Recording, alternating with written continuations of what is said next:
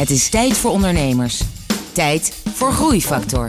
Het programma dat ondernemers beweegt, motiveert en inspireert. Hier is Kees de Jong, groeiondernemer en verbonden aan NL Groeit. Hoe het veel lezen van boeken je antwoord kan geven op de meest prangende ondernemersvragen.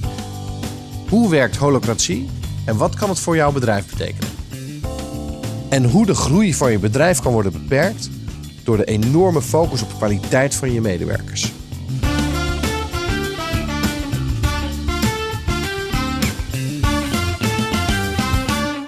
Hallo en welkom bij Groeifactor. Het programma dat ondernemers beweegt, motiveert en inspireert. Met een openhartig gesprek met een inspirerende ondernemer. En vandaag is Tom van der Lubbe mijn gast. Tom, welkom. Dankjewel voor de uitnodiging. Tom, jij bent een van de partners van het bedrijf Visie. Ehm, en Visie is plat gezegd een hypotheekbedrijf, klopt dat? Ja, wij geven hypotheekadvies aan academici. Ja. Nou, voordat de meeste mensen nu gaan afschakelen en uitschakelen, daarnaast doe jij nog een aantal andere dingen. Zoals uh, je bent uh, ervaringsdeskundige op het gebied van holocracy. Dus het zelfsturendheid, het, het zelf laten sturen van, van teams en, en je bedrijf. Uh, nou ja, of ik een ervaringsdeskundige ben, is misschien een beetje te groot woord. Wij, uh, wij experimenteren of hebben holocracy ingevoerd. Ja. En zijn van mening dat zelfsturende organisaties, zeker als het groeiende bedrijven zijn, een goede mogelijkheid is om uh, decentraal snelle beslissingen te nemen. Ja, en ik weet dat veel ondernemers eh, hiervan hebben gehoord of er een beetje mee worstelen. Daar gaan we het straks aan het einde van het interview nog verder over hebben. Eerst willen we meer snappen van, uh, van jouw bedrijf en hoe jij bent gekomen waar je nu bent. Want je hebt een mannetje of dertig, of jullie hebben een mannetje of dertig in dienst. Um, binnen het hypotheekvak, jullie zijn een kleine speler, maar wel snel groeiend. Uh, ja, wij zijn, uh, wij zijn met vier oprichters. En zijn inmiddels ja, 30 mensen, maar groeien, ik zal maar zeggen, uit eigen kracht, organisch. Dus wij zijn niet de club die in één keer tien keer zo groot is. En dat is ook eigenlijk niet niet de insteek. Kwaliteit uh, komt op de eerste plaats. Ja, de kwaliteit komt ook door je achtergrond. Uh, je hebt in Duitsland uh, gestudeerd. Ook. En, en zo ben je. Oh, je hebt ook in Nederland gestudeerd? Ja. Nou, je hebt nogal wat gestudeerd dan. Ja, wat heb je gestudeerd? Ik heb in Leiden gestudeerd. Ik ben officieel historicus. En heb daarna in Parijs gestudeerd. Toen dacht ik nog dat ik diplomaat wilde worden. Ja. En na Parijs heb ik in Berlijn gestudeerd. Oké, nou, je bent, uh, je bent zeg maar, goed onderlegd, laat ik het zo zeggen. Ik ben gelijk onder de indruk. Uh, en in Berlijn, dat was jouw link met uiteindelijk een, uh, een, een, eerste stap of een stap die je hebt gezet in je carrière. Je bent gaan werken bij een van de grootste hypotheekbedrijven van, van Duitsland. dat is MLP. Ja, wij, ik zou zeggen, ik heb als student in al die landen gemerkt dat eigenlijk niemand die jonge academici adviseert. Dus ik uh, kwam naar Berlijn en ik wilde een creditcard hebben. En toen zei iedereen van ja, die kan ik je niet geven. Terwijl ik dacht van nou, zo'n groot risico uh, ben ik eigenlijk niet. En toen kwam ik erachter dat er een bedrijf was uh, in Duitsland, MLP, wat financiële planning deed voor jonge academici. En op het moment dat mensen starten met hun carrière, eigenlijk een volledige financiële planning aanbood. Dus eigenlijk met het idee van hoe vroeger ik iemand adviseer, des te groter is de kans dat iemand de juiste financiële beslissingen in zijn leven neemt. En dat is iets anders dan de private banking afdeling, die je pas wil adviseren op het moment dat je al vermogend bent. Ja, en um, dus dat was ook het eerste bedrijf waar je ging werken, of had je nog iets anders gedaan? Nee, ik ben uh, heel kort uh, bij McKinsey beland, maar ik ben toch meer het ondernemertype. En het interessante bij MLP was dat iedereen onder een soort dak uh, zelfstandig was. Dat kon qua regulering of qua wetgeving in Duitsland kon dat. En dat leidde ertoe dat je een hele grote verzamelbak had van allemaal hele eigenwijze uh, mensen. Uh, die waarschijnlijk gewoon liever voor zichzelf uh, wilden werken, maar wel in een soort collectief. En daar ben ik toen in 95 begonnen. Oké. Okay. Um, en, en, en, maar je zat even bij McKinsey en vervolgens een overstap gemaakt. Was dat een grote overstap? Mm, was dat een grote overstap? Uh, ja, omdat het iets heel anders is. Uh, het, het, interessante is natuurlijk van financiële planning dat je gewoon heel direct, uh, simpel klantencontact hebt en ook onmiddellijk ziet wat het resultaat is van je werk. Omdat elke dag als je iemand adviseert, dan weet je na de hand als je iemand goed geadviseerd hebt, wat je ermee op bent geschoten. Ja. En als je in een grote consultancyclub bent, dan zit je hele grote projecten te doen, Waar uiteindelijk maar de vraag is of dat dan effect heeft of niet. Maar het is Ja. gewoon een hele andere tak van sport. Ik zeg niet dat het andere niet ook interessant is, maar is gewoon, eh, het is gewoon iets heel anders. Ja. Maar dat heb je een tijd gedaan bij MLP. Ja, ik heb ehm 95 ben ik begonnen en dat bedrijf groeide heel snel. Eh, in dat segment was ook helemaal geen concurrentie. En eh, ja, in een bedrijf wat snel groeit, zijn de mensen die het eerste beginnen, worden automatisch eigenlijk gedwongen tussen aanhalingstekens om leiding te geven. Dus ik kreeg heel snel een eigen kantoor. En ik was de enige buitenlander eh, in, in dat bedrijf. En eh, daarom werd ik op een gegeven moment naar Nederland gestuurd om, eh, om eigenlijk hetzelfde in Nederland ook te doen. Oké. En, en dus jij moest een eigen, eh, niet alleen kantoor hier opzetten, maar dus ook een soort eigen markt ontwikkelen en een, een marketing. En, Ja. Ja, maar de, de logica is wat dat betreft eigenlijk, eigenlijk overal hetzelfde geweest. We zijn gewoon in Amsterdam begonnen, een business center. En omdat het wel een groot bedrijf was, wat ook eh, financiële middelen had, eh, kon je wel gewoon fatsoenlijke reclame maken en fatsoenlijke salarissen en zo meteen betalen. Eh, en voor de rest kon je gewoon heel veel overnemen, wat, wat eigenlijk al, waarvan je wist dat het functioneerde. Dus de logica was dat je de studenten die afstudeerden uitnodigde voor een seminar. En eigenlijk kostenloos aanbood om een financiële planning uit te leggen wat relevant is. Waar ze op moesten letten als ze een arbeidscontract ondertekenden en hoe de pensioenregelingen in elkaar zaten. En, en doordat dat seminar niks kostte, had je de mogelijkheid elkaar te leren kennen. En de mensen konden gewoon na de na afloop van het seminar zeggen, oh vond ik interessant, ik wil wat doorpraten. Of eh, ik vind het niet interessant, of mijn zwager die doet het. Eh, dat was in principe ook oké. Ja. Maar de kost gaat voor de baat uit. En ik denk dat dat, dat wel heel vaak geldt. Is dat een succes geworden? Is dat snel gegroeid? Ja, dat, is, eh, dat was succesvol. Wij deden het in Nederland zelfs heel goed. Eh, alleen er was op een gegeven moment, eh, wat je wel vaker hebt in grote ondernemingen, zeker als ze beursgenoteerd zijn, eh, dat er gewoon bepaalde strategische beslissingen worden genomen. En in dat geval was het de nieuwe CEO die zei dat hij zich op Duitsland wilde concentreren. En toen werden eigenlijk alle buitenlandfilialen werden gesloten. En dat leidde er uiteindelijk toe dat wij ondernemer zijn geworden. Dus wij zijn niet de typische start-up bootcamp formatie die zegt van we zijn elkaar daar tegengekomen en toen wisten we dat we een bedrijf wilden oprichten. Wij zijn eigenlijk gewoon, eh, ze hebben gewoon de stekker getrokken en toen zeiden we wat gaan we doen? En toen zeiden we jongens, eh, we, moeten het, eh, we moeten het zelf gaan doen. Ja. En er waren wat marktontwikkelingen die zeer hoopvol waren waar we op ingesprongen zijn. Maar eigenlijk bleef je hetzelfde doen met hè, jouwzelfde collega's, met die oprichtende partners. Was er nou een groot verschil tussen toen je het helemaal voor jezelf moest doen, of dat je het voor jezelf deed, maar dan eigenlijk voor de baas in Duitsland? Eh, ja, er is wel een enorm verschil. Eh, er zijn voor- en nadelen natuurlijk altijd aan beide varianten. Het voordeel is dat je veel geld hebt eh, als je onder een grote holding hangt. Het nadeel is dat je ook om de drie maanden langs moet komen om je PowerPoint sheets te presenteren, omdat de kwartaalcijfers weer gepubliceerd moeten worden. Ja. Dat is inherent aan een beursgenoteerd bedrijf. En dan kreeg je je flikker of je kreeg een. ja, en, en ja, de, gewoon de manier van besluitvorming is echt anders. Eh, en eh, ja, het nadeel natuurlijk van zelf ondernemen is gewoon dat je, ik weet niet hoe lang we onszelf geen salaris hebben uitbetaald. Eh, ik denk dat het wel voor heel veel ondernemers geldt. Ja. Dus je hebt de interne druk is veel groter. Ga je wel of geen kantoor huren, et cetera. Ehm, maar de externe druk, die heb je ja, gelukkig niet. Kan je dat een beetje beschrijven, die eerste jaren, hoe jullie met z'n vieren dat, dat oppakten? Eh, ja, ik denk dat het gewoon heel klassiek is. Hè. In het begin zit je om een, eh, om een tafel en eh, iedereen bespreekt elk thema met iedereen. En iedereen pakt ook alles op. En dan naarmate ja, dat dan langzamerhand groter wordt, dan ontstaan er wat meer structuren. En wij hebben in principe, omdat dat bedrijf waar we allemaal vandaan kwamen, we allemaal een beetje hetzelfde DNA hadden, hebben we op een gegeven moment gewoon natuurlijk de oud-collega's opgebeld en gezegd, wij we hebben weer plek voor de volgende. En ja, inmiddels zijn, ik zal maar zeggen, van die, ja, die eerste garde, dat zijn eigenlijk gewoon oud-collega's geweest. Dus we zitten met zeven mensen uit het oude bedrijf, zitten wij, eh, ja, zitten wij bij Visie. Dus eh, ja, je belt gewoon de oude collega's op en zegt van, heb je ook zin om eh, aan te sluiten? Ja. En jullie zitten in Amsterdam nog steeds? Ja, wij zitten in Amsterdam. Ehm, ja, natuurlijk wel heel anders dan in het verleden, want dan zat je op elkaar schoot eigenlijk. En we zitten inmiddels in zes, zeven steden. Wat groot klinkt, maar uiteindelijk tegenwoordig met al die eh, flexibele oplossingen die je hebt van Spaces en eh, HNK, et cetera, eh, ja, kun je heel snel wat dat betreft opschalen en Ja. beschikbaar zijn voor je klanten. Maar het klinkt wel goed. Je zit in zes, zeven steden in Nederland. Uh, ja, omdat de vraag eigenlijk ook overal uh, aanwezig is. Ja. Dus, um... hey, maar um, je bent... Um, dus jullie zijn voor jezelf begonnen. Je hebt het bedrijf Visie uh, genoemd. Ja.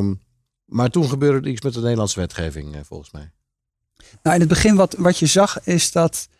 en daar loopt Nederland heel erg voorop. En daar mogen wij de AFM eeuwig dankbaar voor zijn is dat in Nederland het bewustzijn er was dat de marge van het advies niet in het product moet zitten, maar dat die ontkoppeld moet worden. En uh, vroeger was het zo dat in principe 1% van het hypotheekvolume, dat was de vergoeding voor de adviseur. En dat heeft men uit elkaar getrokken en gezegd, uh, de klant moet gewoon uiteindelijk op uurbasis voor zijn advies betalen. Dus je kreeg een verandering van advies dat complex is en meer uren nodig heeft, kost meer. En advies wat makkelijker is, uh, kost minder. En, en, en met die verandering, die zagen wij wel aankomen. En we zagen ook aankomen dat er een druk op de marges zou komen, door die, ook door, door die transparantie. En dat men gewoon meer zou kijken naar, of de klant zou meer kijken naar wat ben ik bereid eigenlijk voor het advies te betalen. Uh, en men zou, de, men zou de adviestarieven met elkaar ver, vergelijken. En dat zagen wij wel aankomen. En, en ook niet alleen de tarieven, maar ook waarschijnlijk welke mensen zitten hierachter. Uh, wie kan mij van, van beter advies voorzien? Of niet? Nou, dat is, dat is interessant dat je die vraag stelt, omdat dat eigenlijk een beetje onze frustratie ook is.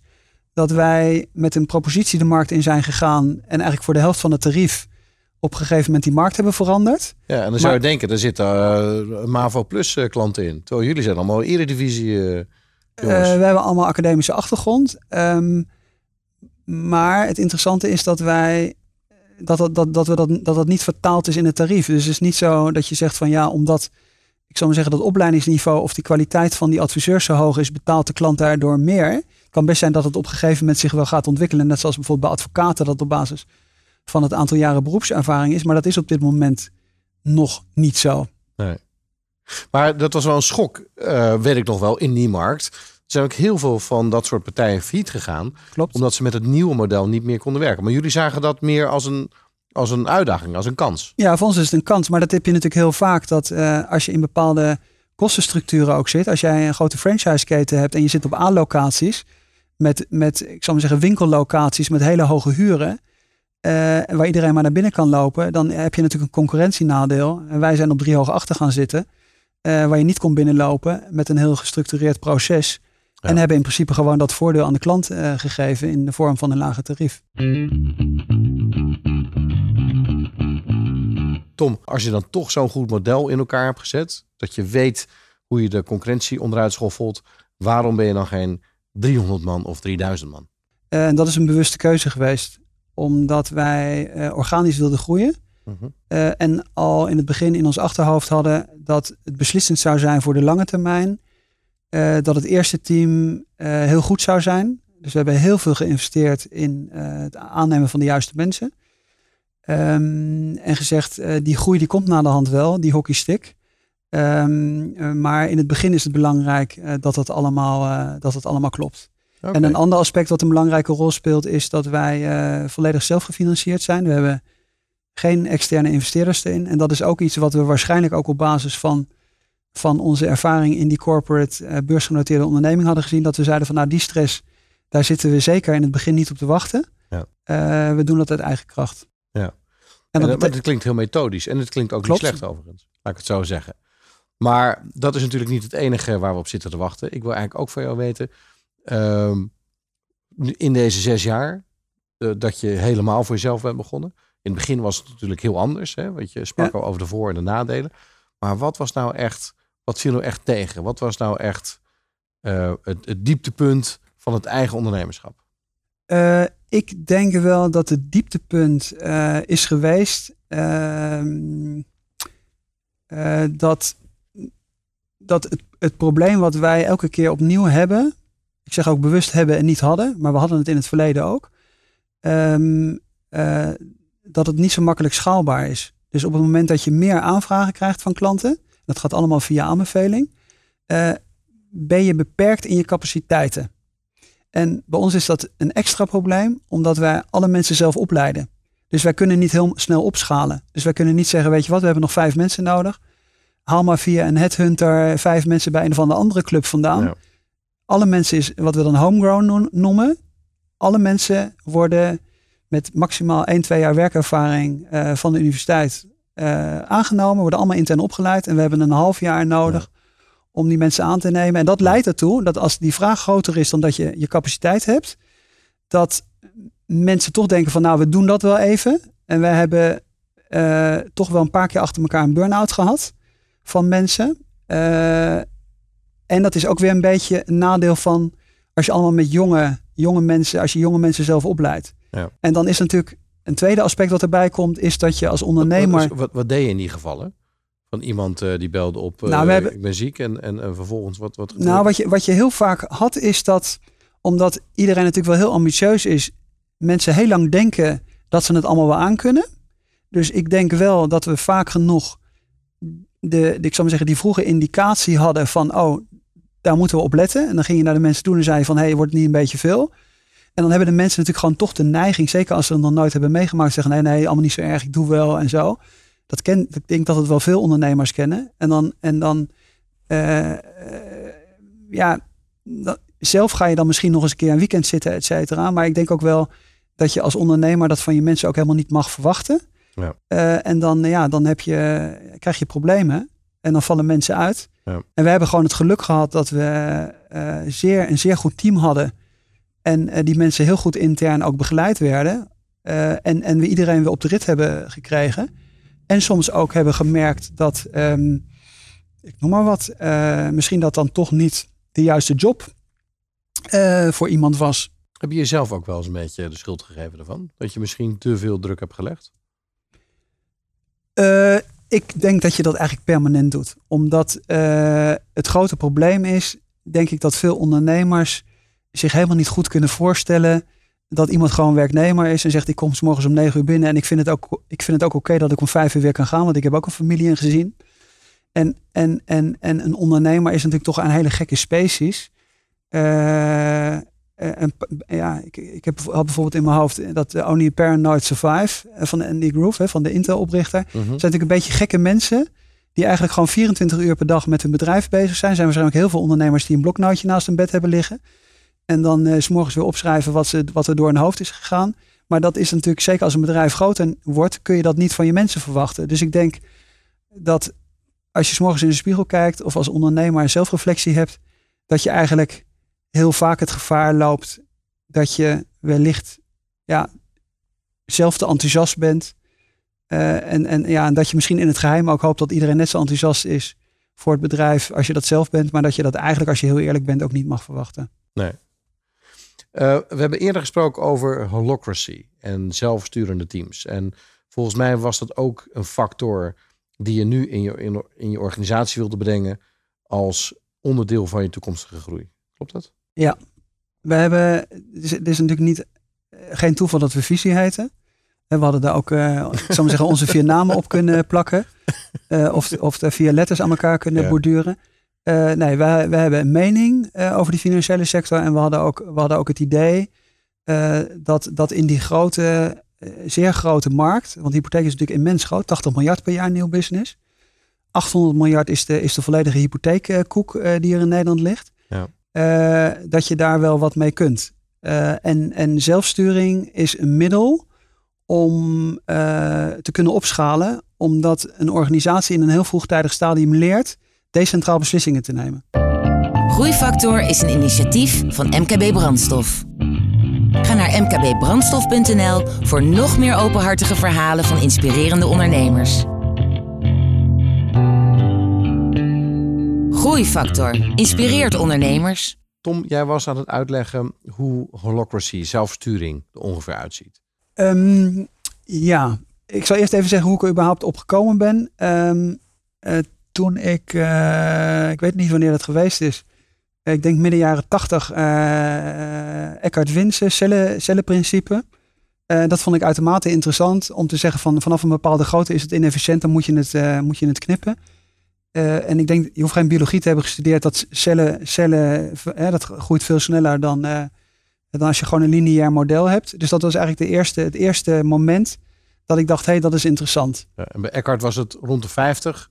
moet je gewoon weer een nieuwe vestiging met een bepaalde structuur creëren. Ja, en laat ze zelf beslissen over wie ze aan mogen nemen, et cetera. Dat vond ik, dat vond ik interessant. En toen kwam ik uh, natuurlijk in, in organisaties waar dan op een gegeven moment bepaalde groeifases doorlopen worden, waar je allemaal tegen dezelfde problemen aanloopt. Uh, ben ik eigenlijk op twee manieren met dat hele thema zelfsturing weer opnieuw in contact gekomen. Enerzijds vanwege Sappels. Nou, dat kennen we waarschijnlijk ook een hele hoop mensen. Ja, leg het kort even uit. Uh, nou, Sappels is de club die in Amerika schoenen verkoopt. Wat ik ook wel aardig vind is dat, dat de CEO eigenlijk helemaal niks met schoenen heeft. Maar dat heel interessant vindt die onderneming op te bouwen. En, en het interessante is dat. Het is een grootste online schoenenwinkel. En ook een van de successtories. Ja. Ja. ja. En zo succesvol dat Amazon eerst geprobeerd heeft hun model te kopiëren. En dat niet lukte. En toen op een gegeven moment heeft gezegd: Wij kopen jullie. En jullie zijn de uitzondering, want we integreren jullie niet in Amazon. Dus zij mogen nog steeds uh, een beetje proeftuin voor Amazon uh, spelen.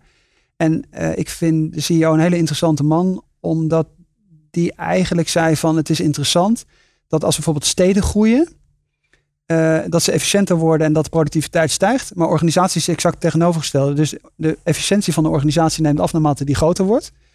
Is dat eigenlijk altijd zo? En tegelijkertijd kwam ik in, in aanraking met uh, een boek van uh, Frederic Laloux, Reinventing Organizations, waar eigenlijk één hele belangrijke kerngedachte in zit. Alles wat complex is, is zelfsturend.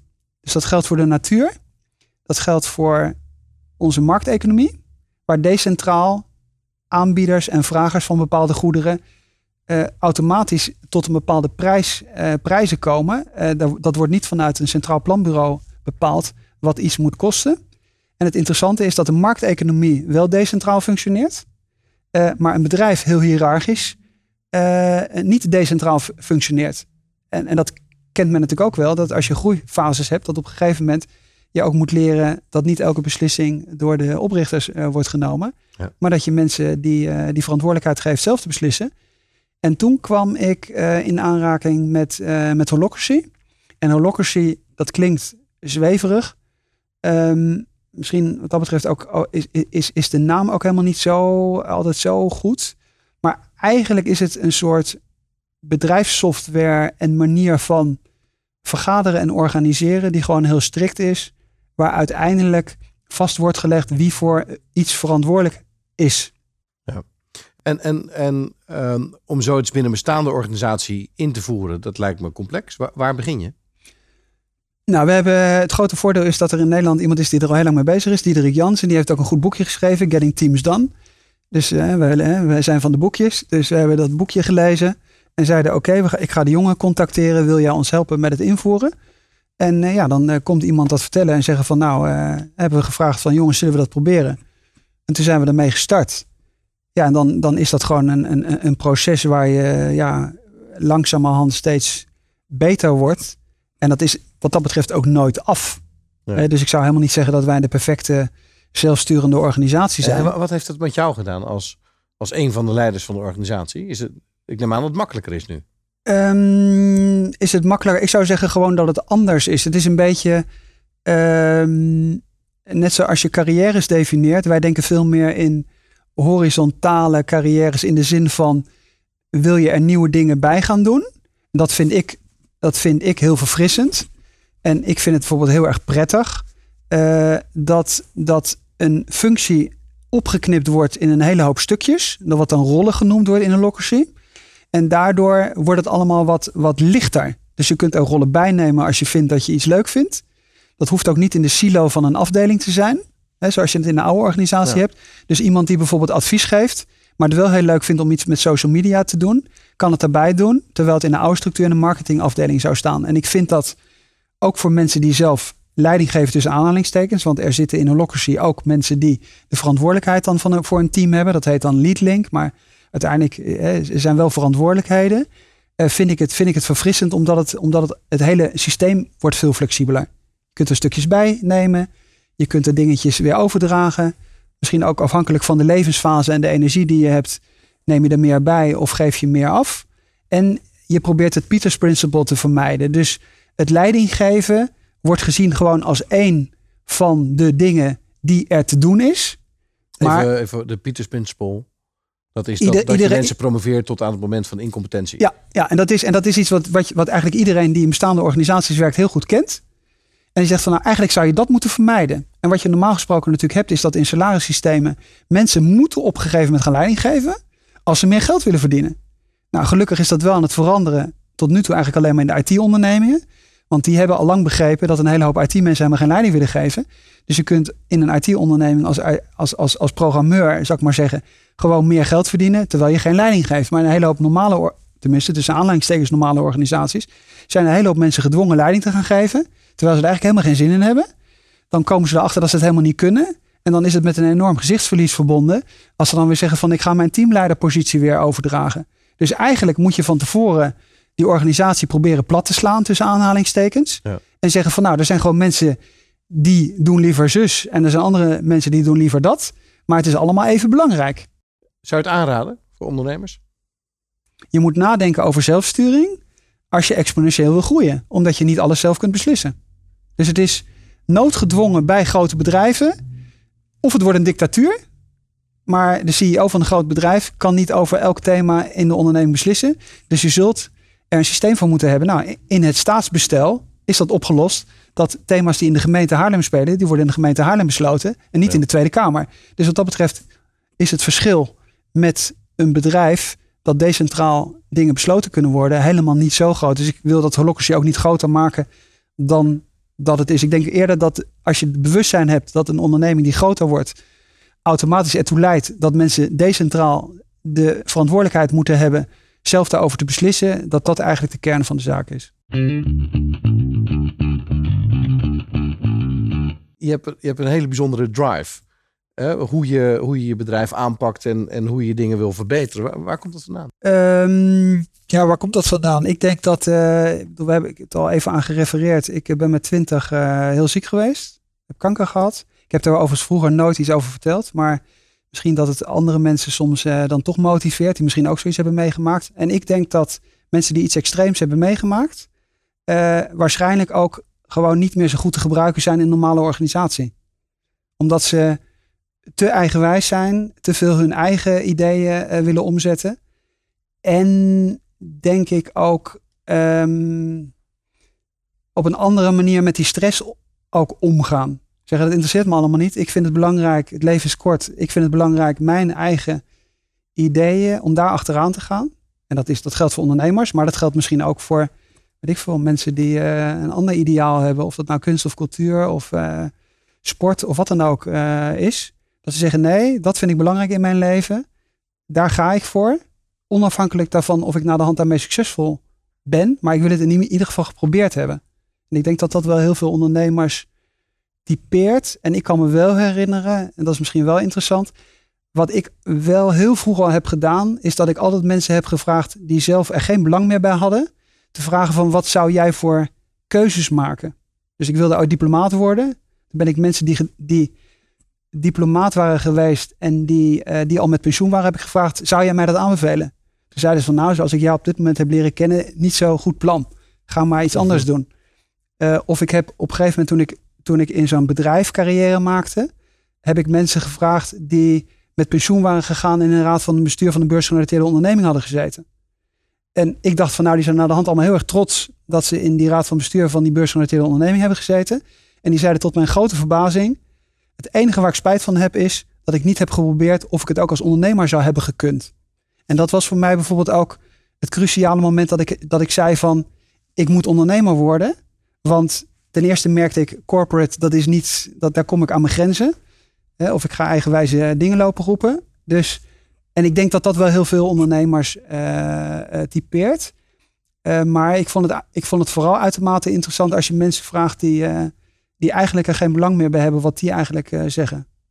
Tom, aan het eind van het, van het gesprek vraag ik naar leerpunten en inzichten die jij eventueel hebt voor andere ondernemers. Je hebt er natuurlijk al heel veel genoemd.